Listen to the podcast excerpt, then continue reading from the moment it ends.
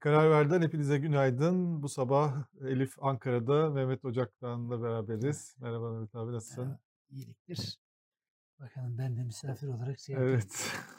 Ama sen zaten yapıyorsun. Misafir çok sayılmazsın. Evet, ben önce de bir gelmiştim.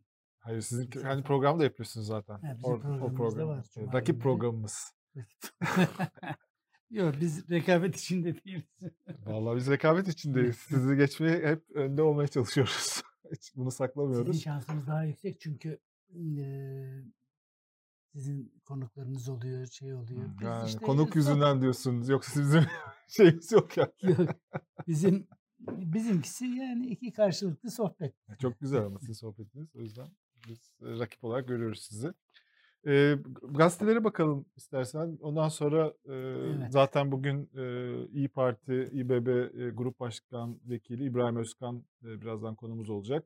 Onun özellikle bu e, İBB İçişleri Bakanlığı'nın başlattığı e, işte inceleme, Ekrem İmamoğlu buna cevap verdi dün. Onları ayrıntılı bir şekilde konuşacağız onunla. Ee, biz yani onun tabii bu konu çok şu anda en önemli konu bu. Kararın manşeti buna ayrılmış. Ee, sicil kaydını siz verdiniz diyor ee, İmamoğlu'nun cevabı.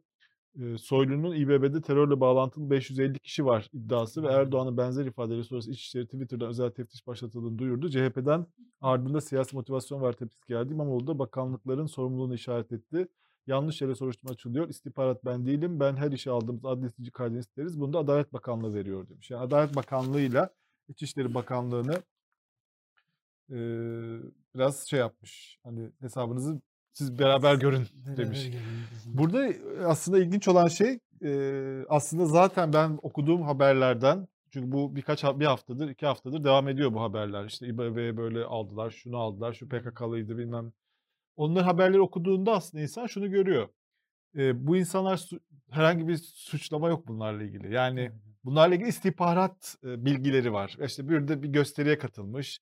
İşte e, bir işte eylemde yürüyüş yapmış falan böyle bunlar ama bir suçlamaya dönüşmemiş. Yani o yüzden o iltisak irtibat diyor zaten. İltisak irtibat diye bir kavram girdi Gerçi biliyorsun. İçişleri Bakanı mecliste konuşmasında söylerken teröristler diyor da Teröristler diyor. yani o zaman e, iş e, yasal prosedürle işte işlem yapmaya gelince e, iltisak Evet. diye bir O kavram bu özellikle 15 Temmuz darbesinden sonra hayatımıza girdi. Eskiden bir e, emniyet e, istihbarat şey şeydi bu. Ter, terminolojisi, hukuki bir terminoloji değil bu yani. Hani her şey irt- irtibak e, irtibat irt- iltisak olabilir.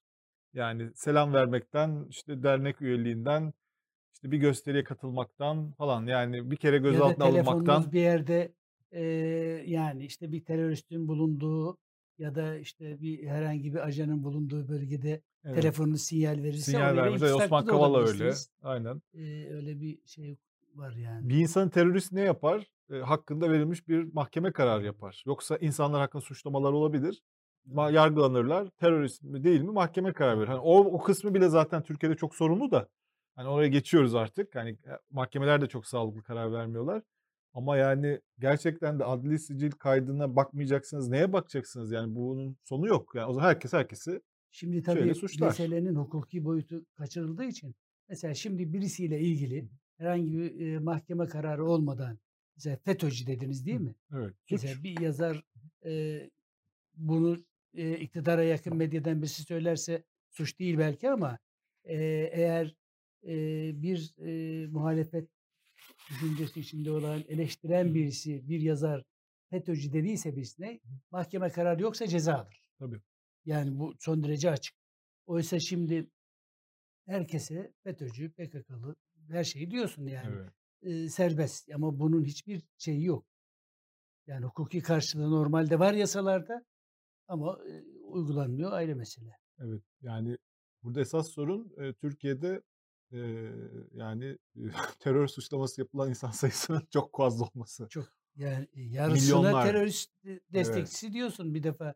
Eee, yerel seçimler öncesi eee, Saadet Partisi dahil İyi Parti, CHP hepsine terör destekçisi partiler dedi. Ve bunu diyenlerden birisi Sayın İçişleri Bakanı yani. Evet. Bu çok ilginç bir tartışma. İmamoğlu da burada e, çok sert çıktı. E, yani e, burada şöyle bir mesele var yani bu e, o zaman e, bunlar teröristse tutuklu o zaman. Gözaltına alın. Yani Yani işte teröristse bakın bunu bunların bir koruması yok zaten. Yani e, bir izne tabii canım. tabi değil. Bunlar memur değiller çünkü. Değil mi çoğunluğu? İBB Dokunulmazlığı çalışanı. da yok. Herkesi Evet. şey yapabilirsin. Yani mesele aslında eee, AK Parti'nin yaptığı bir şey var. Eee, yani son dönemdeki eee, siyaseti eee, Türkiye'de eee, yani kendi kendini yok eden bir siyaset aslında. Yani bu son dönemde özellikle yerel seçimler öncesinden baş, beri başlayan daha doğrusu hızlanan bir süreç var. Bu süreç aslında AK Parti'nin geçmişiyle, geçmiş dönemleriyle hiç uyuşmayan ve asla kendi ilkeleriyle de uyuşmayan bir yapı. Nedir? Mesela Türkiye'de ekonomi kötü. Bu- Bunu söylemek için artık böyle analiz, ekonomik bir eee, şey ekonomist olmanız gerekmiyor. Bu konularda Evet. herhangi bir olmanız gerekmiyor. Çünkü milletin yaşadığı bir gerçek var. Ve ekonomi kötü kardeşim. Bunu da yönetemiyoruz. Evet. Bu son derece basit bir şey. Eee, dolayısıyla eee, yeni üretme işte modeller üretiyor. Her hafta yeni bir model icat ediyor. Eee işte son yaşanan döviz, faiz, sarmalı bütün bunlar eee, ama bütün bunlar konuşuluyor, tartışılıyor ama toplumun fukaralığı bitmiyor. İnsanların eee, zamlar eee, düşmüyor. Eee, yani şeyler markete gittiğiniz zaman eee, bir şey tablosuyla eee, korkunç bir tabloyla karşılaşıyorsunuz ve bunlarda herhangi bir iyileşme yok. Bu konuda iktidarın bir çözüm üretme yeteneği yok. Belki iradesi bile yok. İradesi vardır da ama böyle bir şeyi yok, becerisi yok. Doğal olarak işlerin kötüye gittiği zamanlarda özellikle son birkaç yılda baktığımızda AK Parti hep iktidar eee, bir şey aramış. Düşman aramış. Yani işte kardeşim Büyükşehir Belediyesi'nde teröristler var diyor İçişleri Bakanı. E kardeşim istihbarat senin elinde. Polis senin elinde, jandarma senin polis elinde, senin her elinde, şey jandarma senin elinde varsa eğer gerçekten böyle bir varsa gerekeni yaparsın. Ama biz şunu biliyoruz yani bu ülkede eee, eee, suç örgütü lideri olarak aranan Sedat Peker'in bu açıklamalarından sonra Sayın İçişleri Bakanı dedi ki kardeşim bir mafya liderinden eee, her ay 10 bin dolar alan bir siyasetçi var dedi. Bunu Sayın İçişleri Bakanı açıkladı. Yani bu konuda bir şey yapıldı mı mesela bugüne kadar? Yapılmadı. Evet. Yani burada da yine aynı şey söylüyorsunuz. Siyaseten eee, bir yeri tahrip etmek üzere bir takım eee, iddialarda bulunuyorsunuz.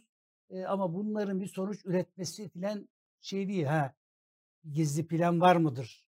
Eee, ya işler zora girerse eee, acaba buraya bir kayyum atasak ne olur diye Hmm. zihinlerde belki de dolaşıyordur. Bilmiyoruz yani. Evet.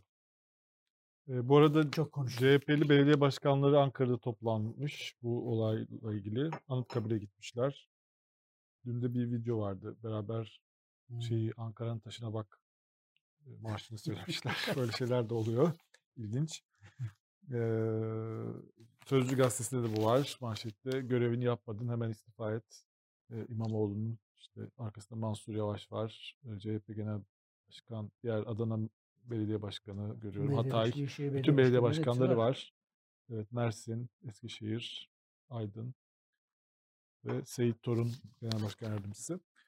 Ee, diğer gazetelerde de çok ilginç bir şekilde mesela Yeni Şafak gazetesi bunu çok şey yapmıştı. Daha küçültülmüş durumdalar yani bunu aslında asas haber büyüdü. Ha. Onlar küçülttüler. İBB ile değil terörle mücadele ediyoruz demiş e, Süleyman Soylu.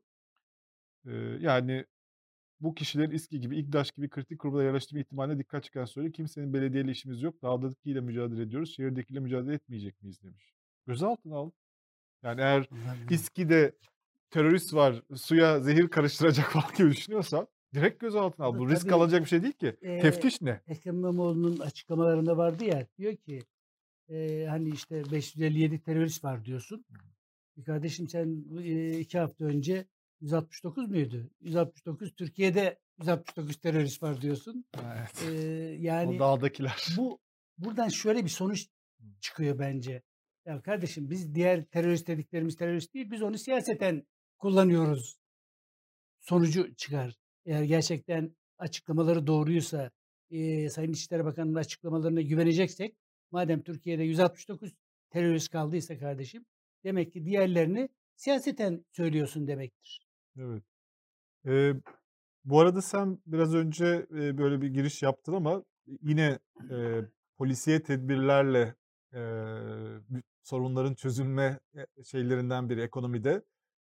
Dün akşam, Bankacılık Denetleme Düzenleme Denetleme Kurulu BDDK bir açıklama yaptı. Sosyal medya ve yayın organları üzerinden kur hareketlerini manipüle etmeye yönelik paylaşımları dolayısıyla aşağıdaki Twitter hesapları ve kişiler hakkında kurumumuz Bankacılık Kanunu'nun 74. maddesi hakkında suç duyurusunda bulunmuştur diyor. Listede, eee, Rüştü Saraçoğlu Evet. yani eski, eee, hazine müsteşarıydı galiba değil mi? Babası Evet. da eski başbakan olan Rüştü Rüştü Saraçoğlu. Emm, şey, eee eski Merkez Bankası Başkanı, eee, Şey, Durmuş Yılmaz. Durmuş Yılmaz, Şeref Oğuz, eee, ekonomi gazetecisi, Emin Çapa yine ekonomi gazetecisi, Güldem Atabay, ekonomist, profesör. Eee, böyle acayip bir liste bu. Eee, hat ve şey, eee, çok ilginç bir de, eee, Türk Ceza Kanunu'nu yazan, eee, Profesör İzzet Gö Özgenç. Yani. O, yani. Normalde bu liste, hani Gazeteciler de var. Ali Can Uludağ var, eee, gördüğüm kadarıyla. Eee, Erk Ece Acerer var, gazeteciler.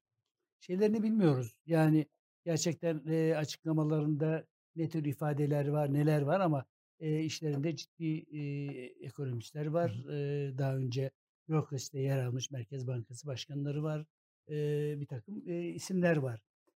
Şimdi normalde, hani, burada en öne çıkan, işte, diyelim ki, hani dolarlarınızı bozdurmayın hı. gibi doğrudan birtakım ifadeler eee, rin normal demokratik sistemlerde de, eee, yani Fikir bu ya.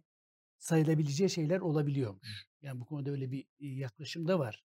Ama, eee, burada bu kadar ciddi insanın olduğu bir şeyde herhâlde rakamlar daha doğrusu söylediklerini bilmediğimiz için çok, eee, doğru şeyler söyleyemeyiz belki. Eee, fakat bu tabii Yani dolar düşmeyecek, eee, düşmeyecek ya da demek dolar dolarınızı bozdurmayın. Bu bir yatırım Bu tavsiyesi olamaz mı? şöyle, Yani eee, hükümetin iktisat politikalarına herkes uymak zorunda yasal mı? olarak şöyle bir şey varmış. Yani, s sakın ha dolarlarınızı bozdurmayın ya da buna benzer şeyler. Ama bunlar tweet atıyor ya. Bunların bir görevi de yok ki. Hani görevi de böyle bir yok ama, eee, Mesela toplumu borsa ama, manipülasyonu hani, yapsa şu normal, yani bu tabloda dolarları bozdurmak çok, eee, kârlı bir iş değildir ya da Evet. doğru olmayabilir. Ya, söyleyişten söyleyişe fark olabilir. Evet. Eee, ama orada öyle bir incelik var diyorlar. Eee, fakat bu kadar ciddi adamın olduğu bir şeyde herhâlde, eee, büyük bir bölümü böyle bir şey söylememiştir. Ha, eee, rahatlıkla birtakım rakamları, söylemleri kullanabilenler olabilir. Eee, fakat tabii bu zaten iktidarın son dönemdeki yaklaşımı, eee, kardeşim eleştirmeyin. Kim eleştiriyorsa sokakta eleştireni de, eee, gözaltına Her şeyi alıyor, sopayla çözmeye dava çalışmak açıyor, yani. soruşturma başlatıyor. Bir şey vardı, Osmanlı Şehzadesi vardı. O tweet atmıştı. Bir ara £8'ya çıktığında 2018'de hatırlıyor musun onu? Doların £1,5'ya düşme ihtimali var diye. Eh. O da manipülasyon o zaman. Ya, Yani tabii. yani her türlü dolar üzerine konuşmak manipülasyona Yani girebilir. manipülasyon niteliği taşıyan şeyler yasal olarak bir suç niteliği, eee, taşıyor diyorlar ama yani burada tabii şeyi de bilmediğimiz için zaten açıklamaları filan, eee, o yüzden, eee, onun konuda sağlıklı bir şey söylemek biraz zor. Evet. Valla bana, insanların ekonomi konusunda artık Ya, konuşması çok gerçi zor gibi geliyor. konuşuyor Yani biz insanlar. mesela bir sürü programlar yapıyoruz burada.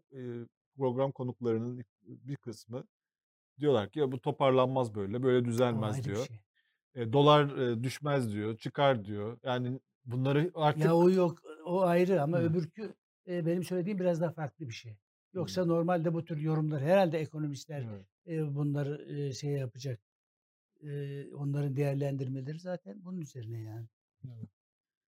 Eee Bu da böyle bir, şey, sopayla şeyi Fakat mücadele şeylerin yaklaşımı önemli. Yani, eee, büyütmemeleri, eee, meseleyi özellikle bu, eee, büyükşehir meselesini büyütmemeleri enteresan. Evet.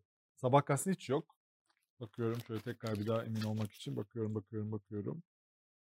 Eee, yok. Ha var. İBB terör teftişi siyasi konu değil güvenlik meselesi Soylu'nun açıklamasından var. Yani burada bence şu şey farkına varıldı. Ee, dün herkes yazdı. Yani bu böyle Ekrem İmamoğlu'nu parlatma operasyonu gibi. Yani ancak burada Ekrem İmamoğlu siyaseten bir e, parlatılır yani böyle şeylerle. Çünkü bu daha önce de Tayyip Bey'e de yapılmıştı.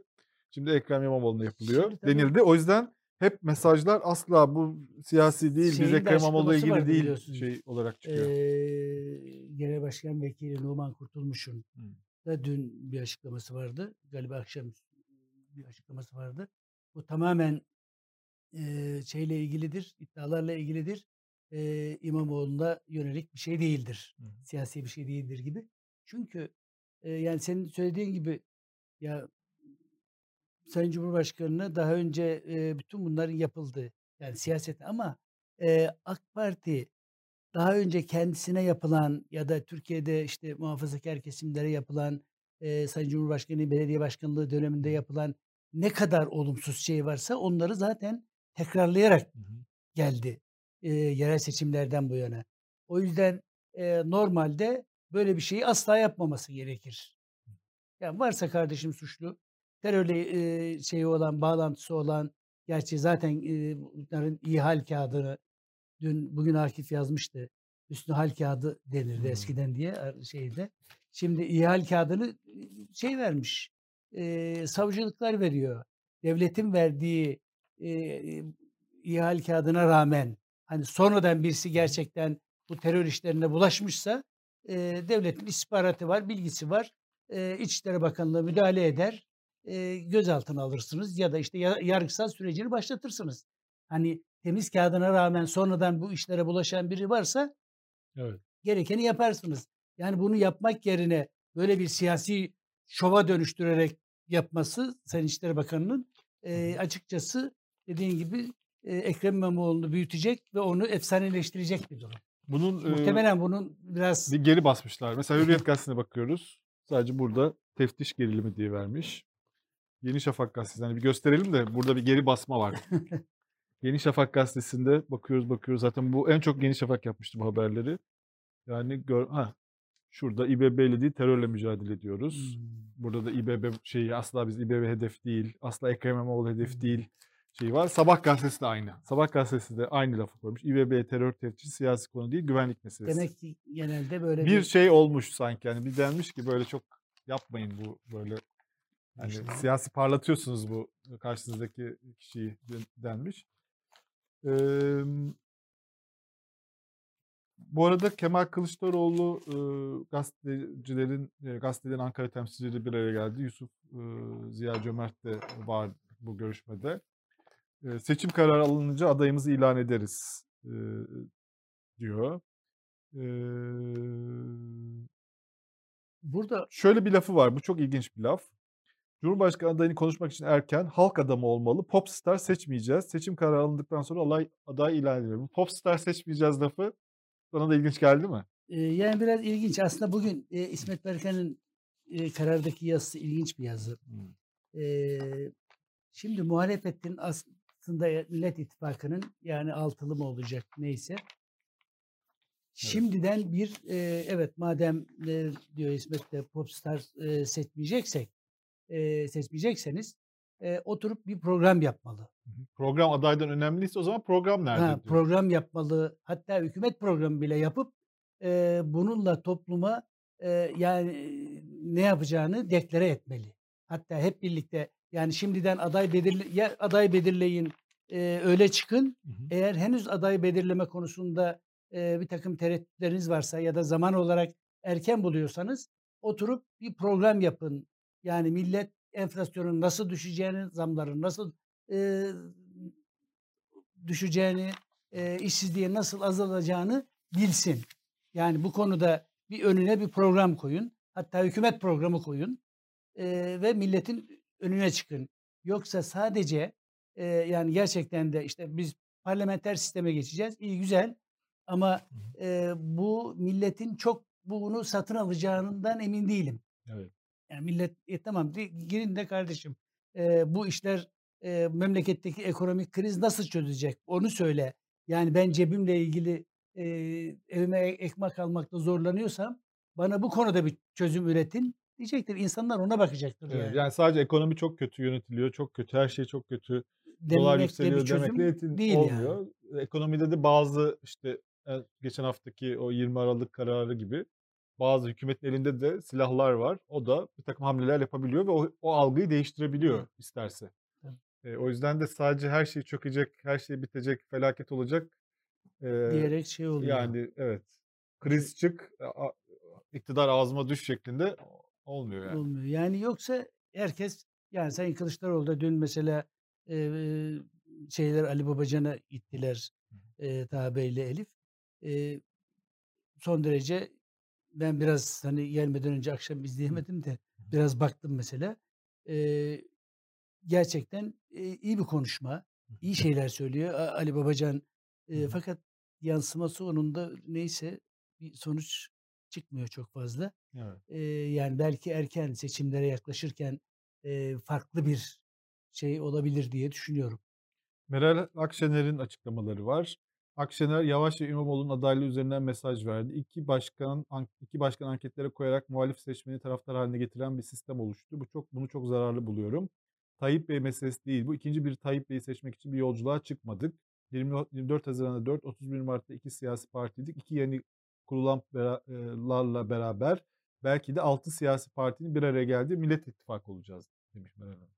Evet yine yani açık açık konuşmuş. yani altı siyasi partili bir millet Evet. ittifakı olacak. İstiyor.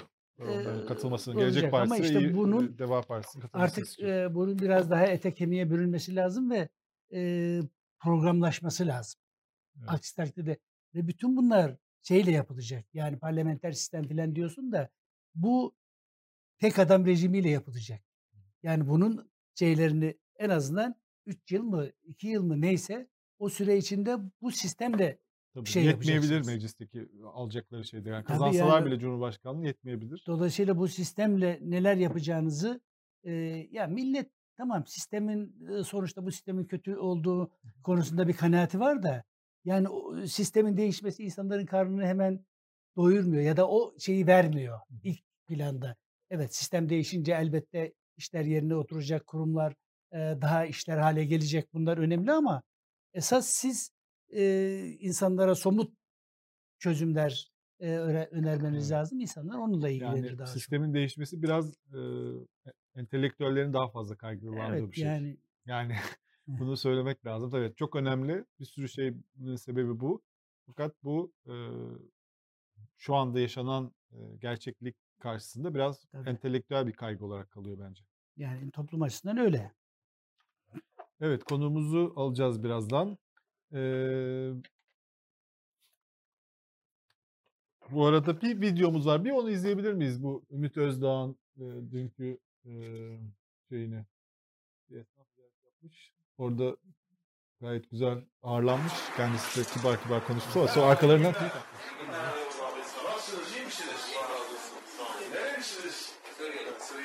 Kaç sene oldu burayı açalı? Ben iki sene. İki sene oldu burayı açalı. Ha. Belediye belediyesini bir açıyor musun?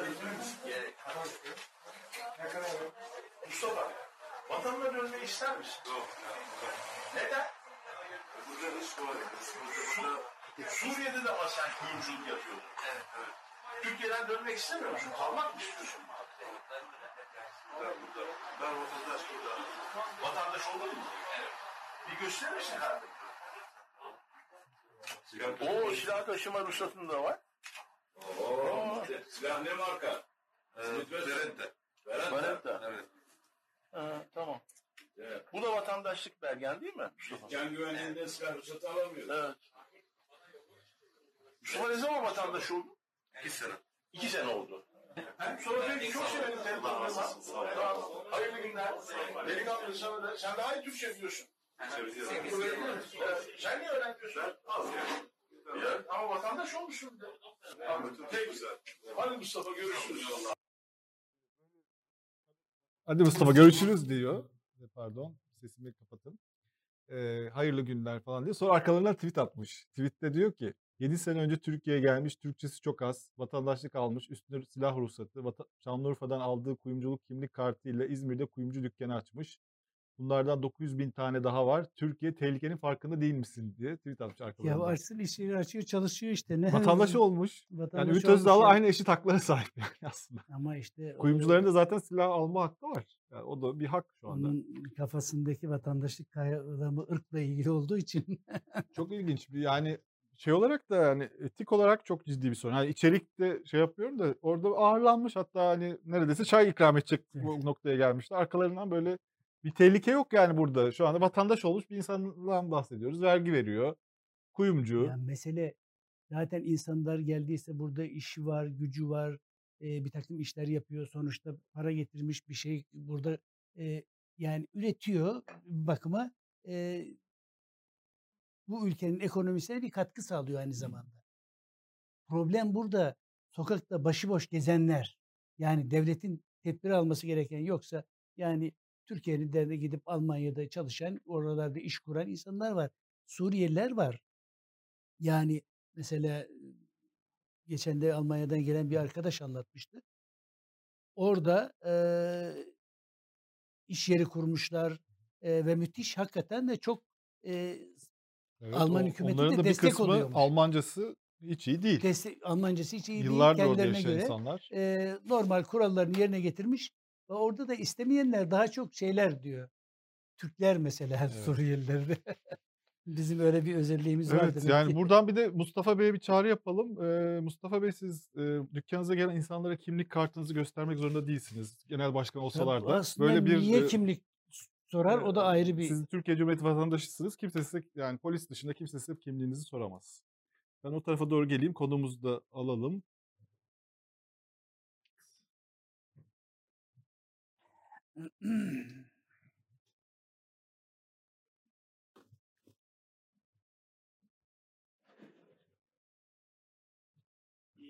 Ee, hoş geldiniz. Evet hoş geldiniz. İbrahim Bey, İbrahim Özkan, e, İyi Parti e, Meclis İBB Grup Başkan Vekili. Hoş geldiniz. Herkes. İBB değil konuşuyor. E, biz de en iyi bu konuyu konuşabileceğimiz isim olarak sizi gözümüze kestirdik. E, ne oluyor şu anda? Yani nedir bu iddialar? Size gelen somut bilgiler var mı? 557 tane belediyede e, tırnak içinde terörist olduğunu. Terörist e, varmış evet. Yani bu memlekette 160 tane terörist var dediler. Şimdi 557'ye belediyede çıktı. Hmm. Anladığım kadarıyla Sayın İçişleri Bakanı bu verileri de TÜİK'ten alıyor. yani TÜİK'in verileri gibi. Eee tabii kabul etmek mümkün değil. Evet. İşe alış şartları belli. İşe alış şartlarında Bir anlatabilir misiniz işe alış şartları? Nasıl alınıyor mesela belediye Şimdi personel? tabii eski dönem gibi değil. Ee, yeni e, Sayın İmamoğlu'nun göreve gelmesiyle insan kaynakları yönetiminde e, olması gereken yapılıyor. Şeffaf bir işe alım süreci var. Kariyer İBB sitesi üzerinde genel başvurusunu yapıyor vatandaşlar. Ondan sonra kendilerine uygun ilanlara göre mülakata davet ediliyor. Mülakatta çalışılmaya karar verilen personele evraklarını getirmesi söyleniyor. Nedir bu evraklar? Evet. İşte eğitim durum belgeniz, mesleki becerilerinizi gösteren işte sertifikalar ve sabıka kaydı. Bu her iş yerinde istenen Evet. bilgiler. Adli sicil belgesi. Adli sicil belgeleri isteniyor. Şimdi adli sicil belgesinde adamın hiçbir kaydı yoksa eee, işe alınıyor. Varsa alınmıyor. Eee, dolayısıyla eee, İstanbul Büyükşehir Belediyesi daha ne yapacak? Yani bir prosedüründe daha önce de bir güvenlik soruşturması gibi bir şey yok. Tabii Bazı yani devlet şöyle bu dairelerinde olduğu gibi. 2018'de özellikle bu 2016'dan sonra 15 Temmuz'dan sonra eee mülki amirler üzerinden güvenlik soruşturulması meselesi var. O süreç çok doğru yürümüyor. Bütün personellerin listeleri yollanıyor yine ama bazen 4 ay, bazen 5 ay eee, çok uzun süreler gelmiyor. Mesela Belediyenin personelleri de gönderiliyor mu güvenlik Gönderiliyor soruşturması? tabii tabii. Evet. Şimdi aslında eee, iki çeşit personel diye düşünebiliriz. Bir memur statüsünde olanlar. bir de iştiraklere alınan personeller. Valiliğe yollanıyor. Hatta insan kaynaklarından dün aldığım bilgide peki hiç şey oldu mu? Yani bizim yollayıp da bu uygun değil dedikleri oldu mu? Evet en son 190 kişi İSKİ alımında iki kişi de olumsuz bir durum çıkınca. Olmadı yani. Tabii Yani gerekli vatandaşları. işlemler yapılıyor E, diyorsun Yapılıyor zaten. tabii. Yani yapılıyor tabii ama burada asıl e, insanı üzen konu şu. E, devlet ricali, devlet adamları devlet adabıyla e, hareket etmek zorundadır. Yani devlet sosyal medya üzerinden birbiriyle haberleşmez. Sayın İmamoğlu e, bu iddialar ortaya çıkınca Sayın İçişleri Bakanı'na da Cumhurbaşkanı'na da mektup yazıyor. İşte açıklamaları gördünüz. Sayın İmamoğlu göreve geldikten sonra iki buçuk, üç seneye yaklaştı. Cumhurbaşkanından randevu alamadı. Böyle bir devlet yönetimi Evet. olabilir mi? İstanbul Büyükşehir Belediyesi devletin bir birimi değil mi? İstanbul Büyükşehir Belediye Başkanlığı halkımız seçmedi mi? Hem de iki kere seçti. Yani en katmerli seçimde o oldu. E, kabul etmek mümkün değil. Şimdi Çok mesela doğru bu e, olmuyor bu ağır iddialar e, ileri sürülüyor. Yani bu terörist suçlaması çok ağır bir suçlama. Şimdi bu 557 personellerin e, koruyan herhangi bir yasa var mı? Mesela diyelim İçişleri Bakanlığı, polis yarın dese ki İBB'de 557 kişiyi gözaltına alıyoruz dese bunları engelleyen bir şey var mı? Memurlarda var herhalde. Hani böyle bir yasal engel var mı önlerinde? Şimdi herkesin bir e, özel hayatı var, bir de iş hayatı var. Şimdi iş, tabii ki gözaltına alınabilir. Öyle bir şey de olmuyor çünkü de o açıdan. Yani, Yani ne şimdi- engelliyor bunu? E, 557 kişi eğer açıkladıysanız isimlerini de o zaman açıklayın. Madem her şey aleni bir şekilde kamuoyuyla paylaşılıyor, bu isim listesinde verin. 86 bin çalışanı var Büyükşehir Belediyesi'nin. 86 bin kişiyi zan altında niye bırakıyorsunuz? Yani ben şeyde e, Sayın İmamoğlu da İçişleri Bakanlığı'na yazdık. Bize e, bildirin. E, Tabii. isimleri listesini verin. Biz de gereğini yapalım diye de bir yazı Şimdi yazdı. doğru dev, e, Sayın İmamoğlu'nun e, yazdığı teftiş kurulu, Sayın İmamoğlu bu iddialar üzerine e, araştırılsın diye yazı yazıyor teftiş kuruluna. Evet. Araştırın bakalım. Böyle bir durum var mı? E, insan kaynaklarında vermiş olduğu verilerde iş alım şartları oluşmuş, gerekli belgeleri sunmuş insanlar ve çalışıyorlar. Eğer böyle isim varsa e, bu insanlarla yollarımızı ayıralım ama bunlarla siyaset yapmak, sanki İstanbul Büyükşehir Belediyesi'nde e, terörist çalıştırılıyor gibi e, bir algıyı oluşturmak siyaseten kullanılan bir konu ve bence gündemi değiştirme gayretleri bunlar. Ülkenin gerçek gündemini saptırmak, farklı alanlara çekmek. Şimdi devlet adabıyla bağdaşmıyor. Şimdi Sayın İmamoğlu e, mektup yazıyor. Sayın Cumhurbaşkanı da utanmadan bana mektup yazdı diyor. Yani gerçi oradaki cevabı enteresan. Yani çok yani ni- utanılacak e, utanılacak ne var? Yani biz vatandaş olarak utandığımız mektuplar oldu mesela. Trump'ın yazdığı mektuptan biz bir Türk vatandaşı olarak çok utandık. Evet. Ee, Cumhurbaşkanı'na hakaret eden. hakaret eden, e, şimdi o cümleyi kullanmak istemiyorum, utandık. Yani e, siyaseten çözüm sürecinde yaşananları biliyoruz. Ya bu ülkede Diyarbakır'da çözüm sürecinde bebek katili dediğimiz hain Abdullah Öcalan'ın mektubunu okuttunuz kardeşim siz. Sonra ne yaptınız? 23 Haziran seçimi öncesi yine bunlardan medet umdunuz. Yani şimdi şunu düşünüyorum ben. Ya bu insanları insanları yaftalıyorsunuz. Terör örgütüyle iltisaklı veya irtibatlı diye bir tanım koyuyorsunuz ortaya. E ondan sonra kırmızı bültenle aranan Osman Öcalan'ı TRT'ye çıkarıyorsunuz. Yani siz Osman Öcalan'ın kırmızı bültenle arandığını bilmiyor musunuz? Yani? O arama yazısını yollayan sizsiniz Interpol'e. Bundan bir haber ama burada Sayın İçişleri Bakanı'na da kabahat bulmuyorum. Adam kendisi itiraf etti zaten. Ben hayatımda güvenlik makalesi okumamış bir adamım dedi. Beni İçişleri Bakanı yaptılar. Daha önce Twitter'dan istifa etmişti. Şimdi istifa makamı mevcut AK Parti hükümetinde işlemiyor. Belki de affedilmek istiyor. Belki de böyle bir metod izleyerek görevinden ayrılmak Bu istiyor. İçişleri anlamıyoruz. Bakanı'nın bir şeyi mi diye düşünüyorsunuz? Yani hamlesi mi? Siyasi hamlesi mi? Yani akıl tutulması.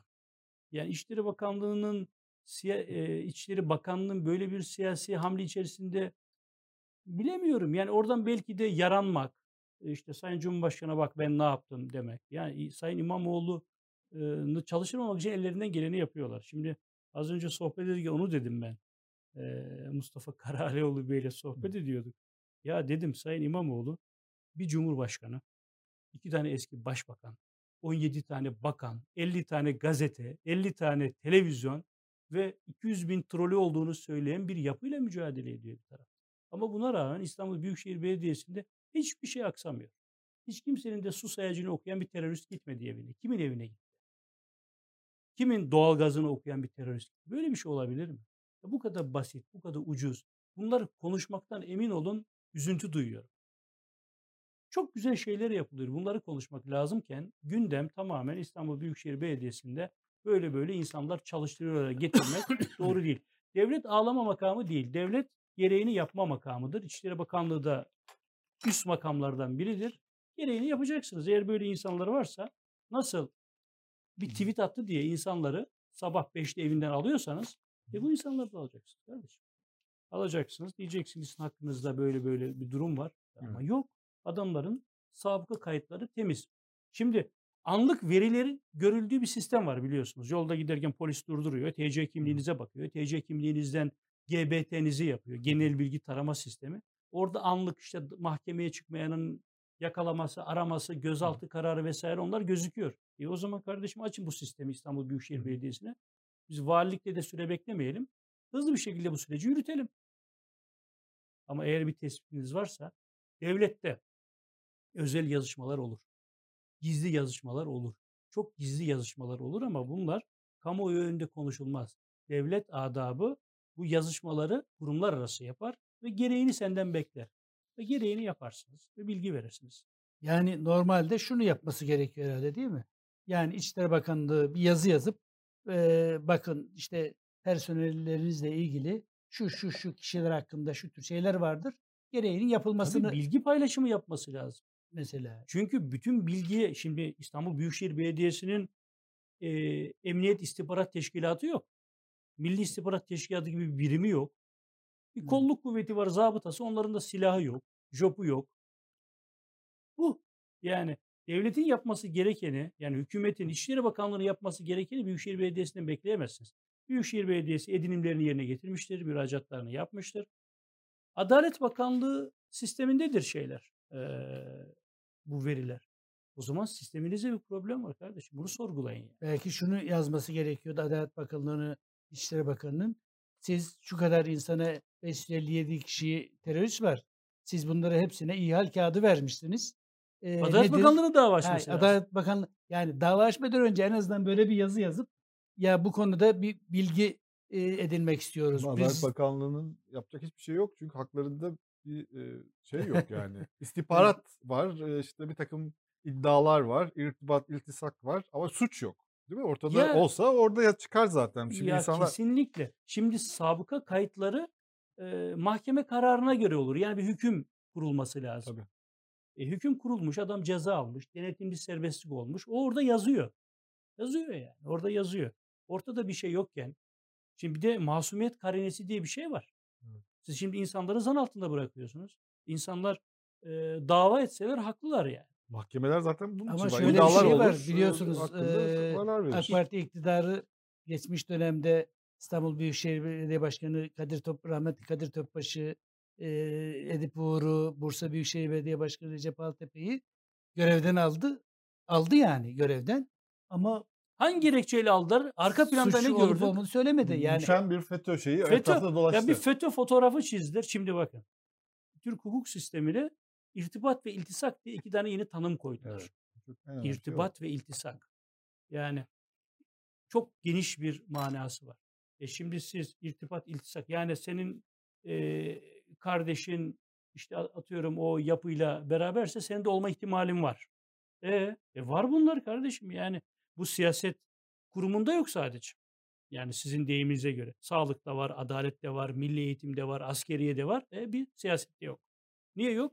Çünkü bunu reddediyorsunuz. Araştırılması için defalarca e, İyi Parti, Cumhuriyet Halk Partisi mecliste önerge verdiler. Defalarca bunu reddeden Milliyetçi Hareket Partisi ve AK Parti. E samimiyseniz o zaman gelin yapalım. Bakın bu 15 Temmuz e, meselesinde Havacı General Mehmet Dişli Bey'in kardeşi Lahey Büyükelçimiz. Ya e, Tarım Bakanı'nın abisi hapiste. FETÖ'den ya. E şimdi irtibat iltisak mı arıyorsun? E şimdi yeni atadığınız Maliye Bakanı'nın e, Fethullah Gülen'le boy boy fotoğrafları çıktı. E buyur kardeşim. E bunları açıklayın bir insanlara. Ya insanları kimse zekasıyla sınamaz. Bizim Türk halkının feraseti güçlüdür. Yani gerektiğinde onun cevabını verir. Bunlara halkımız pabuç bırakacak değil. İstanbul Büyükşehir Belediyesi'nin başarısı. Bu kadar sıkıştırıyoruz.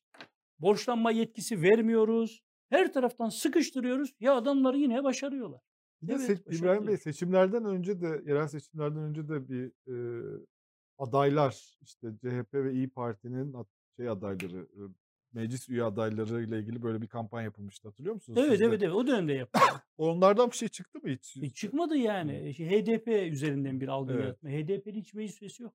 Ben görmedim. HDP'li hiç meclis üyesi ben görmedim. Büyükşehir Meclisi'nde görmedim. ilçe meclislerinde de görmedim. Grupları da yok. Ama İyi Parti'nin grubu var. Paşalar gibi İstanbul'da 12 meclis üyemizde e, çıkıyoruz. E, siyasetimizi yapıyoruz. Doğru gördüğümüzü doğru diyoruz, alkışlıyoruz. Yanlış gördüğümüzü düzeltin diyoruz.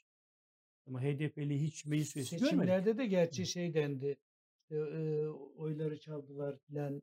E, terörist mi bir şey dediler galiba o dönemde de. Ya Mehmet Bey bu Allah. işi neresinden tutarsanız elinizde kalır. Yani bu, Onlarla bu ilgili İmamoğlu'nun dediği hiçbir şu ana kadar bir şey yok. Yani ülkede hukuk sistemi öyle enteresan bir hale gelmiş ki Anayasa Mahkemesi'nin vermiş olduğu kararı uygulamayan yerel mahkemeleri var bu ülkede. Ülkede adalet bir isimden ibaret. Kanun da bir müzik aletine döndü. Yani kanun çalıyor, adalet oynuyor ülkede. O yüzden bu ülkenin içerisine girmiş olduğu ekonomik girdabın da tek sebebi budur. Sistemsizlik. Yani tek kişide toplanmış bütün yetkiler. Bu sistem e, yürümüyor. Ucube bir sistem haline geliyor. E, düşünsenize ülkede her şeye bir kişi karar veriyor. Bir kişi karar veriyor ve yanlış kararlar veriliyor. Şimdi bugün iktidarda olan AK Parti e, kendini 20 yılın üzerinde devlet görmeye başladı. En büyük problem budur. Yani size karşı yapılmış olan bir eleştiriye siz karşı mukabele ediyorsanız cevap verirseniz siz Sayın Cumhurbaşkanı nasıl bu lafı dersiniz oluyor. Şimdi e, biz sabah gazetelere bakarken konuştuk. Onu mu ilgi- soracaksın? evet ilginç bir şey var. Mesela E, bu konu büyütmemişler mesela. Evet, yani normalde dünkü açıklamadan sonra e, bu konunun daha da köpürtülmesi beklenirdi. Yani daha e, iktidara yakın medyada. Muhalif medyada e, cevaplar var. Hepsinde manşet işte. Fakat e, iktidar medyasında küçültülmüş bir anda konu. Yani büzüşmüş. Çünkü geçen haftadan başladı aslında bu değil mi? Çünkü e, geçen hafta listeler, fotoğraflar falan isimler de çıktı. Yıldıray Beyciğim ben size bir şey söyleyeyim. Burada şey 17, var. 18 gün Soylu'nun lafları var hepsinde. Hedef İBB değil, e, terörle mücadele Terör ediyoruz biz. Şimdi Evet. o tepkileri gördüler ona karşı bir Hmm. refleks o. Şimdi İçişleri Bakanısınız siz. 17 gün önce, 18 gün önce mecliste yapmış olduğunuz bir açıklamadan sonra eğer siz yeni açıklamayı bugün yapıyorsanız, teftişi bugün başlatıyorsanız siz böyle terörle mücadele yapmayın. Bunu ilk mecliste mi E söyledi tabii, Süleyman görüşmeleri Bütçe görüşmeleri sırasında terörist dedi. yani. Tabii. Tabii tabii orada iltisaklı, Tabii. irtibatlı demedi. Ondan sonra Kürtler sizi sevmiyor, Kürtler sizi sevmiyor diye e, Hmm. Millet İttifakı tarafına e, dönerek bağırdı. Hatırlayın. Yani, 17-18 gün olmuş. 17-18 günde sen teftişe yeni başlıyorsan Evet. şimdi o da çok O ilginç. teröristler her şey Eğer- yapabilir be- belediyede. E, 557 e, terörist var diyorsanız bu bir tespittir. Teftiş tespit eder. Siz önce tespit ediyorsunuz sonra teftiş oluyorsunuz. Yani enteresan kavramlar birbirine girmiş durumda. Evet. Yani kabul edilebilir hali yok. Bir de e, İçişleri Bakanı şöyle söyle- şeyler söylüyor. İSKİ gibi, İGDAŞ gibi kritik kurumlara yerleştirme ihtimaline dikkat çekiyor diyor. Yani sizin söylediğinizde o anlamda şey yani 17 gün olmuş. Mesela yani öyle anlatıyor ki insan kafasına ilk ne geliyor? İSKİ işte ya bir suya zehir atacaklar zehir falan. atacaklar. Böyle bir riske girer mi devlet yani? bunu yaparsa yapacaksa. Çok Yani enteresan çok gerçekten. komik yani. Maalesef yani siyasetin bu hale gelmesi üzücü. Ee, bu tamamen e, bir erken seçimin aslında Hmm. e, ayak sesleri. En son yapılmış olan e, mevduatlara döviz garantisi verilme hikayeleri. Yani saçmalıklar içinde yaşıyoruz. Yani bu ülke çok güçlü bir ülke. E, hala ayakta duruyor bu kadar yanlışlara rağmen. O kadar enteresan şeyler oluyor ki e, Sayın Erdoğan çıkıyor diyor ki ben diyor NAS'a göre hareket etmek zorundayım. Yani kabul edilmiş kurallar, dini kurallar, işte ayetler, hadisler, işte fıkıh alimlerinin söylemleri vesaire bunlar rehber olarak İslam'da alınıyor. Nas'ta milletin birçoğu da Nas suresini araştırmış internetten. Evet. Evet, Büyük harfle yazıyorlar Kul oysa. euzu bi rabbin nas. E, Değil tabii. Nas işte geçen o anlama üç harflerle ilgili değil. Harflerle. Programda da bir milletvekili e, Nas suresini aradık bulamadık dedi de. Öyle bir şey yazmıyor. Ben de dedim ki arada hatta. Arada sure- evet aman yapmayın. Şimdi ben NAS'a göre hareket etmek zorundayım dedi. Ya o kadar enteresan işler var. Şimdi bizim e, eski Merkez Bankası Başkanımız Durmuş Yılmaz Bey çok beyefendi, çok naif bir insandır. Söylemlerinden dolayı Soruşturma işte açıldı. hakkında soruşturma açılmış. E, şimdi bu ülkede Merkez Bankası faiz indirmeden önce Maliye Bakanı'nın kardeşi 100 baz puan indirileceğini söyledi. Evet, evet. Ya gelişmiş bir toplumda, kuralların olduğu bir toplumda Maliye Bakanı çıkar der ki benim kardeşim hata yapmış, beni bağlar, iltisak. Bakın Hı. iltisak işte bu. Bu beni bağlar der istifa eder. Ama Döviz istifa, e, istifa- sabah gazetesi döviz komplocular için hesap vakti demiş. Durmuş Yılmaz'ın fotoğrafıyla. Ya, Bu haberi böyle döviz vermiş. komplocularıymış yani. Döviz komplocuları şimdi ülkeyi öyle bir hale getirdiler ki bir TÜİK enflasyonu var, bir gerçek enflasyon var. Bir de akıl almaz bir şekilde enflasyonun altında bir faiz var. Bu kabul edilmez. Yani iktisat bilimi e, enflasyonun birkaç puan üzerindedir faizler. E senin TÜİK'in %21 olarak bunu açıklıyorsa faizin %23, %24 olması kabul edilebilir. %14 olması kabul edilemez. Vatandaş enflasyona karşı parasını korumak zorunda. Ne yapacak? Ya altın alacak ya döviz alacak. Değer kaybediyor para. E, döviz mevduat hesaplarına bir düşme falan yok Yıldıray Bey. Evet. Yok yani artmış, zirve yapmış. Ve zirve yapan en e, fazla zirve yapan yerler de işte Kayseri, Nevşehir, e, Aksaray o bölgelerde. Oraların gurbeti fazladır yani. Parayı iyi kontrol etmesini bilir yani orada. Ee, E, AK Parti'nin en fazla oy aldığı yerler onlar. Mesela Aksaray'ın gurbeti İngiltere'dir mesela. Hmm. Sterlin hesaplarının en fazla olduğu yerdir orası. Öyle mi? Ha, Ha. Tabii tabii. Aksaray öyledir yani. İngiltere'dir. Mesela e, Yağlıdere, Giresun Yağlıdereler Amerika'dadır mesela. Amerika evet onu biliyorum. Mesela evet. Emirdağlılar Brüksel'dedir. Trabzonlar? nerede? Trabzonlar her yer. Bizde her yer Trabzon. Mesela Fatsalılar e, Japonya'da. Allah Allah. Tabii tabii. tabii. E, İs- İsveçte. Kulu ve Cihanbeyli. Evet. Öyle. Öyledir yani. yani demek ki Ee, herkes bir ülke Oradaki tabii vatandaş döviz, Emirdağlılar dövizde var kalıyor. Brüksel'de. Emirdağ, ya Türkiye'nin başkentinin Emirdağ olduğunu zanneder mesela. Brüksel'de. Brükselliler. Emirdağlı belediye başkanımız var. Ya Brüksel'de. şey e, soralım. Şu e, hep tartışılıyor ya belediye 45 bin kişi aldı. Evet. İşte şu kadar e, 13-14 bin kişiyi attı. E, bugün İsmail Saymaz da aslında yazmış yani.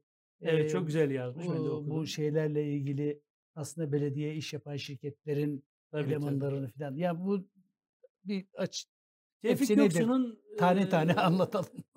Tevfik Göksu'nun algı meseleleri. Yani 45 bin kişi. Ya şimdi biz bakıyoruz 21 bin kişi. Bu 21 bin kişinin içerisinde de zorunlu olarak kadroya alınan insanlar var. Yani taşerondan kadroya kanunla, e, kanun hükmünde kararnameyle alınması gereken Hmm. insanlar.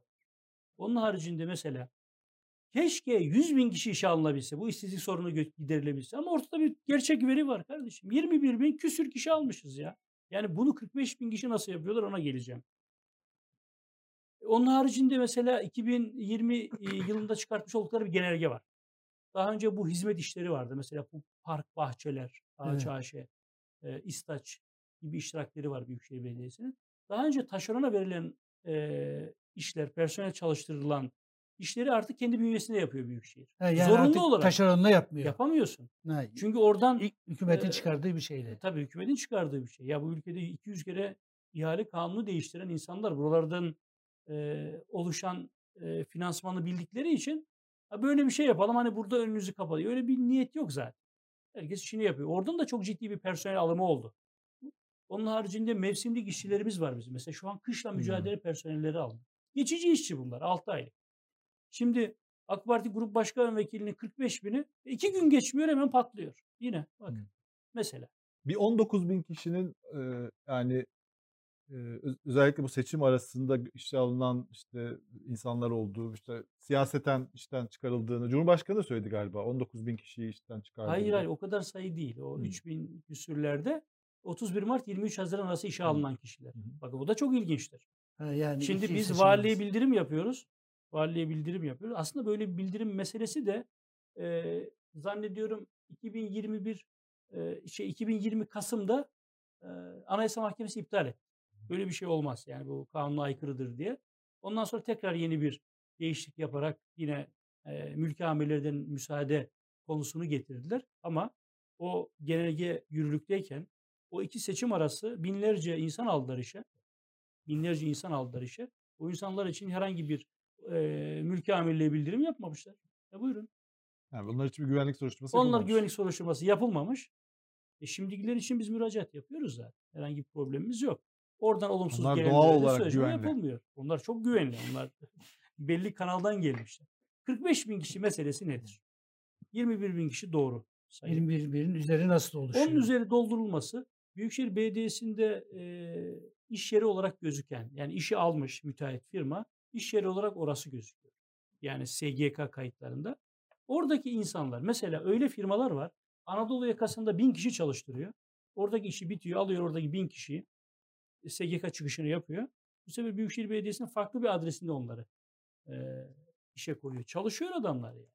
Onlar taşeron şeylerin, müteahhitlerin kendi bünyesindeki işçileri de bu şeyin içerisine koymuş. Şimdi o konuyu soruyor İsmail Saymaz.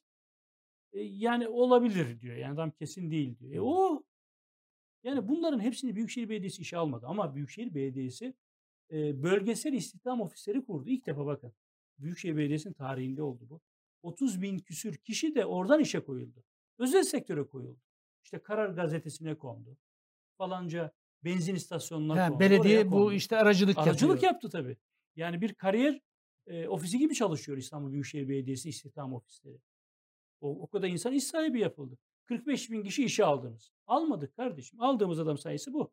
O sizin meseleniz müteahhitlerin kendi e, almış oldukları personeller. İş yeri adresi olarak Büyükşehir gözüktüğü için kayıt, SGK'dan bu kayıtları aldım diye elinde dosyalarla bunları sürekli çeviriyor. Yani Şimdi- karton üretim merkezi haline geldi. Şimdi Sürekli bunları gösteriyorlar. e, İbrahim Bey siz e, etkili bir konumdasınız. E, ittifak ortağısınız. İBB'de siz de grup başkan vekilisiniz. Yani mecliste de etkilisiniz. Uzun bir süredir de muhalefetin elinde böyle şeyler yani ilçe belediyeleri vardı ama işte Büyükşehir Belediyesi gibi büyük bir şey yoktu, kurum yoktu. Siz bu şeyi nasıl yönetiyorsunuz? Yani size mesela insanlar geliyordur herhalde. Yani işsiziz, işte biz de partiliyiz, işte sizinle çalıştık, işte direklere bayrak astık. CHP'lilere de geliyordur, size de geliyordur. Muhtemelen siz de hani birilerini arıyorsunuzdur. Şey, Tabii. nasıl oluyor bu işler? Yani Yani, referans buradaki referans şeyiyle oluyoruz. o kurumsal işte eleştirilen o ehliyet, liyakat dengesini nasıl koruyorsunuz? Şöyle, eee Büyükşehir Belediyesi'nde tabii insanlar arıyorlar. İnsanlar eskiden işe ihtiyaçlar daha yoğundu. Şimdi artık aş istiyor insanlar. Hmm. Tanıdığımız insanlara tabii ki referans olacağız. Fakat şöyle bir durum var. Eskiden siyasi partilerden giden isim listeleri işe girerdi. Şimdi böyle bir durum yok. Şimdi 30 civarında iştirak şirketi var İstanbul Büyükşehir Belediyesi'nin. Ve bu iştirak şirketlerine personel ihtiyacı oluyor. Örneğin İSKİ'den örnek verelim. 3 bilgisayar mühendisi, 2 kimya mühendisi, 3 çevre mühendisi alacak. Kriterlerini belirlemiş. Bunlar insan kaynaklarına geliyor. Ve bu insanlar da e, kariyer sitesinden başvuruda bulunuyorlar. E, ona göre davet ediliyor. Yani bizim şöyle bir adamımız var bunu işe alın yok böyle bir şey yani. Artık İstanbul Büyükşehir Belediyesi'ndeki kariyer yönetiminde bu yok. İstenen personel davet ediliyor. Onların içerisindeki liyakatli olanlara bakılıyor. Mesela hiç tarihinde olmadığı kadar zabıta ve itfaiyeci alımları yapıldı. Hiçbir dayısı olmayan, amcası olmayan, siyasi olmayan insanlar işe girdi. Ve bun- bunlar hepimizin ailesinde var bu insanlar. Görüyoruz bunları. Ama ülkede çok büyük bir işsizlik problemi var. Günde yüzlerce insan yazıyor yani. Size vereyim telefonumu bakın okuyun ağlarsınız. İntihar edeceğim diyen mi var? Evime ekmek götüremiyorum diyen mi var? İşsizim her sabah evden işe gidiyorum diye çıkıyorum utanıyorum diyen mi var? Allah. Ülkenin ekonomik problemi o kadar büyük ki e, keşke e, AK Parti Grup Başkan Vekilinin demiş olduğu 45 bin değil de 100 bin kişiyi alabilsek işe. Yani ülkenin işsizlik problemini İstanbul Büyükşehir Belediyesi'nin çözmesi mümkün değil. Böyle bir iddiası da yok ama e, personel alımı, yeni iş alanlarının yaratılması için mücadele ediyoruz. Yine halk Hı. ekmek fabrikamız biliyor, ben de bitiyor. şey soracaktım. Oraya ya, bu personel- ekmek işleri Evet. nasıl gidiyor biliyorsun ekmekler çok pahalılaştı. Çok. Zaten her şey çok pahalı da e, yani belediyenin bu konudaki çalışmaları Evet yani 700-800 bin civarında ekmek üretimi vardı halk ekmeğin 3 3 fabrikasında. İşte e, Sultan Gazi, Edirne Kapı, e, ondan sonra Kartal'daki halk ekmek fabrikalarında bu civarda ekmek üretiliyordu. Somun ekmek dediğimiz şu an 1.25 liraya sattığımız ekmek. Bu ekmekte sayımız 1.6 milyona çıktı. İşte o halk ekmek büfelerinin önündeki kuyruklar onlar. E, çünkü insanlar bir saat erkenden gidip hani ekmek kalmaz belki. Ekmeğe ulaşmak için insanlar sırada bekliyor. Ve bunda da dalga geçtiler biliyor musun? Meclis üyeleri televizyonda canlı yayına bağlandı ve dedi ki siz dedi PR çalışması yapıyorsunuz. O insanların fotoğrafı çekilsin diye bu bir tiyatro dedi. Ben de mecliste canlı yayında e, dinlettim. Bakın böyle demesin. Çık kardeşim özür diledim yani. Dilim sürçtü de. Bizim milletimiz özür dileyen insanı bağrına basar. Yani hata yapmış olabilirsiniz. Ve bunu kullandılar. İnsanlar ekmeğe ulaşmak için erkenden sıraya giriyorlar doğru. 800-900 bin sayılarını 1.6 milyona çıkartmışsınız. Şimdi Nisan-Mayıs gibi de e, Hadımköy'deki fabrika bitiyor. Son sürat oraya bitirilsin talimatı verdi Sayın Başkan. Ne Hızlı bir şekilde fabrikada? orada da ekmek üretilecek. Yani ne kadar üretilecek? E, kapasitesi de oranın e, ilave 5-600 bin civarında olacağını düşünüyoruz. Yani sadece somur ekmekte tek Hmm. tek fabrikada. Orası aslında ekşi mayalı ekmek üretim tesisi olarak planlanmış daha önce. Belki üretim prosesinde bir değişiklik yapılabilir. Çünkü ciddi anlamda e, ekmeğe ihtiyaç var. Daha Poşette- Türkiye'nin başka e, şey daha lüks şeylerin olduğu dönemde planlanmış herhalde. Ya Şimdi e- artık evet şu an temel ihtiyaçlara gerçekten ihtiyaç temel var. ihtiyaçlarını karşılayamayan insanlar var. Yani bugün e, ülkede e, asgari ücret ülkenin %70'i asgari ücretle geçiniyor. Çok Biraz acı- acı sübvanse durum. ediyor galiba değil mi? Halk ekmek sübvanse ediliyor tabii. Yani zarar ediyor bu. bu İETT gibi düşünün. İETT aylık 200 milyon lira civarında zarar eden bir kurum. Her zaman Halk öyleydi. ekmek diyor. Her zaman öyleydi. Yani orası çünkü çok şey var. Bedava var, ücretsiz var. Yani çok zor ve çok büyük bir organizasyon. Yani İETT'nin yapısı. Halk ekmek de böyle ama halk ekmek bu sene kar etti zan- zannediyorum. Ee, geçen yılki fiyatlarda ekmek satmaya devam ediyoruz. Ee, ama un fiyatları 125 liradan 350-400 liralara çıktı. Mehmet Bey. Ekmek sıkıntısı olabilir diye bir şey vardı geçenlerde. Buğday yani problemi. Buğday probleminden Tabii dolayı. Yani çiftçi buğday ekmiyor. Çünkü gübre alamıyor. E, tarlayı sürecek traktörüne mazot alamıyor. Yatlara ÖTV'siz mazot var. Çiftçinin traktörüne mazot ÖTV'li. Çiftçi desteklenmiyor. E, gübre fiyatlarının çıktığı alan belli. Ülkede buğday yok. Yani yerli ve milli izleyenler bugün Kanada'dan, bugün Ukrayna'dan, bugün Rusya'dan buğday ithal eder hale geldi. Tarım bitmiş durumda ülkede. Böyle bir kıtlık durumu çıkabilir. Yani bu yaşanacak. Şimdi Toprak Mahsulleri Ofisi'nin zannediyorum piyasaya uygun fiyatlı bir e, buğday verme durumu var. Onların e, değirmenlerle fabrikalar anlaşıp eğer uygun maliyetle un alabilirsek 2022 yılında çok fazla bu zamlardan etkilenmeden, halkı mağdur etmeden uygun fiyatlar çalışıyor e, halk ekmek yetkilileri. Yine halkımızı mağdur etmeden ekmeğe ulaşmasını sağlayacağız. Yani yine dediğim gibi yani eğer bu ülkede ekmek ekmeği konuşuyorsak e, yani diyecek hiçbir şeyimiz kalmamış. Yani ülkenin durumu bu maalesef. Ee, bu arada bir şöyle haberler çıkıyor. Yani işte İstanbul Büyükşehir Belediyesi'nin otobüsleri şöyle bozuldu. İşte metrobüs kaza yaptı, işte şurada durdu, işte şeyleri bitti, işte kaza yap şey, kaza yaptı diyorum. Bozuldu ve işte yolcular yolda kaldı. Özellikle böyle haberler çok çıkıyor. Böyle bir e, yönetimle ilgili, yeni yönetimle ilgili böyle bir somut bir şey var mı? Yani işte siz gördüğünüz bir sorun var mı? Yoksa bu eskiden de oluyordu da şimdi mi haber oluyor? Bunu bir anlatabilir Tabii misiniz? tabii. Yani şöyle e, İstanbul Büyükşehir Belediyesi'nin e, bir kere otobüs sistemi tek çatı altında toplandı. Önce bunu Hmm. söylemek isterim. E, farklı Halk renklerde otobüsleri. otobüsler vardı. Halk otobüsleri, mavi renkliler vardı. e, sarı renkliler, e, mor renkliler hepsi artık tek renk, sarı renk oldu. E, araçlar arıza yapabilir. Geçmiş dönemde daha fazlaydı. İstatistiklerine baktık. Bu dönem daha az aslında yapılan arızalar. Fakat siyaset üretmek için otobüslerin peşine fotoğraf makineli adamları takmışlar. Hep bunları yani 6-7 bin otobüs trafikte yani bir tane iki olabilir. Yani bizim kendi e, Sayın Diyanet İşleri Başkanı'nın arabası bozulmuş. Mercedes'i. Kalkmış korumanın aracına binmiş yani. E bozulabilir yani. Böyle büyük acılar Ee, yaşanıyorlar. Allah e, yapısı insan arıza yapıyor yani. Araç da arıza yapabilir. Ki 1 milyon kilometreyi geçmiş araçları var İstanbul Büyükşehir Belediyesi. Bir rapor sundu İETT Genel Müdürlüğü. Dediler ki bize 300 tane otobüs lazım. Tamam. 300 tane otobüsün maliyeti ne? 90 milyon euro. Peki. Meclise geldi. Meclisten oy birliğiyle geçti.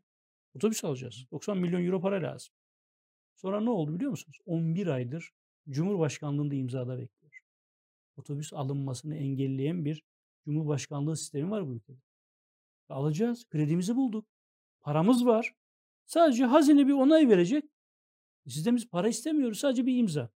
90 milyon euro bekliyor. Peki mesela AK Partili meclis üyelerine bunu söylüyor musunuz? Yani böyle- Birebirdeyken normal ne diyorlar onlar? e, Yani? haklısınız diyorlar. Birebir Arayın falan demiyor musunuz? Şuradan bir telefon açın da imzasın Cumhurbaşkanı. Yani e, ya kabul edilebilir şeyler değil bunlar. Ne oldu? Baktık ki bu imzanın geleceği falan yok. 160 otobüsü kendi imkanlarımızla aldık. Bakın 2021 yılında Büyükşehir bütçesine 1 lira borçlanma izni vermediler. Bakın bir Türk lirası Büyükşehir Belediye bütçesine ilave edilmedi. Duran metrolar için borçlanmalara onay verildi. Fakat Büyükşehir Belediye bütçesine bir Türk lirası borçlanma yetkisi vermediler. Verdim diye yalan söylüyor. Yok. Vermedi. Şimdi mesela 2017 yılında metrolarla ilgili Yıldıray Bey bunların hepsi durduruldu. Geçen bir televizyon programına yine AK Parti Grup Başkan Vekili çıktı. E bunları anlatıyor. Hayır efendim biz diyor bunları durdurmadık. Sadece işte rahmetli Kadir Topbaş'tan sonra Mevlüt Uysal bir durum tespiti için bunları durdurdu. Ya neyin durum tespiti kardeşim? Aynı partidensiniz. Aynı idareciler devam ediyor. Neyi tespit ediyorsunuz? Ya beceremedik, yapamadık, finansman bulamadık, durdurduk deyin. Durdu biz gelene kadar durdu. Hiçbiri çalışmadı. Hiçbiri çalış. Şu an İstanbul e, 10 metro hattını birden aynı anda çalıştırıyor. Yani şu an çalışma var. Mesela şimdi yakında test sürüşleri bitti. Devreye alınacak olan Dudullu Bostancı hattı var. Büyük bir, güzel bir hat, uzun bir hat. Bakın mesela orayla ilgili bir örnek vereyim mi size? Bitiş rakamı 550 milyon euro o hattın. 550 milyon euroyu %50'de harcamışlar. Tabii. %50'de parayı o bitirmişler. olması Tabii. gerekiyor. Harcamışlar parayı. Bitmiş para yok. Ve yeniden oraya finansman kullanamıyorsunuz. Yani kredi alamıyorsunuz. Ne yaptık? Büyükşehir Belediyesi'nin bütçesinden oraya finanse edilerek bu hat bitirildi. Şimdi devreye alınacak. Şimdi Sayın İmamoğlu popülizm yapmıyor. Popülist politika yapan adam gider kaldırımları boyar. Yarın altına çalışmaz. Yani belediyecilikte, eski usul belediyecilikte milletin göreceği işleri yapmak lazım. Asfalt sü, dök, köprüleri boya, e, kaldırımları boya. Vatandaş var bizim belediyemiz çalışıyor. Ama 10 hatta birden dünyada başka bir ülke yok. Başka Ama bir işte şehir yok. görsel tarafını da ihmal etmemek gerekiyor galiba. Tabii tabii onlarda da bir eksiklik yok. Yani çok fuzuli işler var. Onlarda bile gündem yaptılar. Mesela bu dikey bahçeler meselesi hatırlarsınız. Ya duvarlara e, şeyler yapmışlar. Askılar yapmışlar. O askılar da hile var. Galvanize saçtan yapmamışlar. Paslanmış birçoğu kopacak hale gelmiş. Onların bakım maliyetleri korkunç. Ya, Güzel sarmaş- ama onlar. Ben yani Ha, ben yok, beğenenler görüntüsü arasındayım yani. Görüntüsü güzel. Ya sarmaşık yapın. Hmm. Sarmaşık yapın yürüsün gitsin. Bakıma ihtiyacı yok. Bakım maliyetleri en büyük maliyetleri bunlar. Evet. Dikey Doğru. bahçe. Şimdi İstanbul'a ihanet ettik diyenler bunlar yani. Dikey mimariyle ihanet edenler dikey bahçelerle İstanbul'u yeşillendirdiklerini mi zannediyorlar? Değil. Sarmaşık yaparsınız geçersiniz. Birçoğu da Hı. şimdi öyle yapılacak. Yapılacak. Sarmaşık yapılacak Tabii yani tabii, onların yerine. sarmaşık olacak. Yani onlar. o boyama olayı olmayacak değil mi? Çok Hani bir büyük de maliyetler. bir de şey yani belediye biz duvarları şöyle boyayacağız işte resimler yapacağız. O da çok güzel değildi yani. Yani Denendi o. Bir iki yerde örnek Hı. yapıldı. Yani siz bir plaza yaparken bile birkaç cam firması getiriyor. Farklı modeller yapar. Binalarda, inşaatlarda görürsünüz onları. Evet. E bunu beğendim, bunu beğenmedim Eyvallah. Tam diyebilirsiniz. sarmaşık çok iyi formülmüş. Sarmaşık Evet. olacak. e, Şimdi biraz sizi e, daha büyük siyasete de çekelim olur mu? Olur olur. İstanbul'dan çıkalım. Bugün e, Meral Hanım dün açıklamalar yaptı. E, şunu şu konu üzerine özellikle bu iki belediye başkanının e, Cumhurbaşkanlığı adaylığı üzerine bir tartışma var. E, Meral Hanım da iki başkanı anketlere koyarak muhalif seçmeni taraftar haline getiren bir sistem oluştu. Bunu çok zararlı buluyorum demiş. İkinci bir Tayyip Bey'i seçmek gibi bir yolculuğa çıkmadık demiş. Ee, geç, yani Kemal Kılıçdaroğlu da bu konu üzerine konuşuyor. İşte o da bu iki şehri kaybetmemek gerekir. Ee, bunu millete anlatamayız e, diyor. Siz nasıl görüyorsunuz? Yani siz belediye meclisindesiniz. Eğer işte o ki Ekrem İmamoğlu aday oldu. Orada seçim olacak. Oradan belediye başkanı seçilecek. İstanbul Cumhurbaşkanlığı Ekrem İmamoğlu'nun anketlerdeki şeyi bu tartışmalar siz nasıl bakıyorsunuz? Şimdi tabii e, biliyorsunuz Cumhur İttifakı'nın adayını Sayın Bahçeli belirledi. Bizim adayımız Recep Tayyip Erdoğan diye söyledi. Millet İttifakı'nın da adayını belirlemeye zorluyorlar. Şimdi seçim kararı alınmadan bir aday belirlemek, adaylar üzerinden konuşmak, adayları yıpratmak. Şimdi Sayın Genel Başkanımız söyledi o. Yani Mansur Bey ile Ekrem İmamoğlu'nu tartıya çıkarıp halkın önüne atmak da çok doğru değil. Yani bunlar siyasetten doğru hareketler değil. Muhakkak günü geldiğinde, seçim kararı alındığında Millet İttifakı kendi içinde istişare ederek en doğru kararı vereceği kanaatindeyim. E, şey meclis içerisindeki aritmetiğe bakın da işte meclis başkanı seçecek durumuna gelince e, yani öyle bir durum olur mu bilemem. Ama öyle bir durum olursa mesela Sayın e, Erdoğan'ın dönemini hatırlayın. Sayın Erdoğan'dan sonra belediye başkanı Ali Müftü Gürtün'a seçilmişti. O dönem meclis çoğunluğu yoktu Refah Partisi'nin. Ama o dönem rahmetli Mesut Yılmaz bir devlet adamlığı iradesi ortaya koyarak ne Evet, demişti? Yani orada herhalde Onların hakkıdır demişti. daha makul olan o. Ama böyle bir makuliyet şey falan beklemek mümkün değil değil, yani. Mümkün değil yani. Yani şey gibi bekliyor Tevfik Göksu başkan olacak yani. Başkan olmak istiyor. Öyle mi? Tabii tabii sürekli öyle bir hevesi var yani. O zaman Ee, e, Ekrem İmamoğlu'nun Cumhurbaşkanı adaylığını destekliyor olması lazım. Şöyle söylüyor aslında ba- bazen ama şöyle bir şey var ben size söyleyeyim. Yani İstanbul Büyükşehir Belediye Meclisi'nde Cumhur İttifakı kadar rahat değil. Yani orada e, çatlaklar başlar. Yani 30'un altına inmeye başladılar artık oyları, ittifakların oyları. E, artık homurdanmaya başlayanlar var. E, çok uzun sürmeyeceğini düşünüyorum. Yani meclis yakında e, altı partili hale gelecek. Bölünmeleri başlayacak. Yani insanlar Altı artık- partili. Hangi Tabii, parti tabii. gelecek? yani yeni partilerden gelecek ve Hı. Deva Partisi Büyükşehir Belediyesi'nde gruplarını kuracaklar. Kuracaklar. Tabii benim görüştüğüm arkadaşlar var. Aa, çok ilginç bir iddia. Tabii yani e, bekliyorlar yani ama hala bir şey var, korku var insanlarda. Çok cesur değiller ama rahatsız olan arkadaşlar var. Ben çok uzun süreceğini düşünmüyorum. Yani aritmetik her an değişebilir Büyükşehir Belediye Meclisi'nde. Aynı durum Türkiye Büyük Millet Meclisi'nde de olacak. Orada da aynısı olacak. Ee, çok teşekkürler İbrahim Bey. Ben teşekkür için. ederim. Çok Ben sağ olun. teşekkür ederim. Ee, güzel oldu. Bizi bilgilendirdiniz. Tekrar bekleriz yine sizi. Her zaman için. Evet e, Mehmet abi bugün sonuna geldik. Nasıl? Senin için nasıl geçti? İyidir. evet, biz memnun kaldık senden. Yine gelebilirsin. evet, e, bugün de bir karar verin sonuna geldik. E, yarın yine buradayız. Elif ile beraber burada olacağız. Hepinize iyi günler.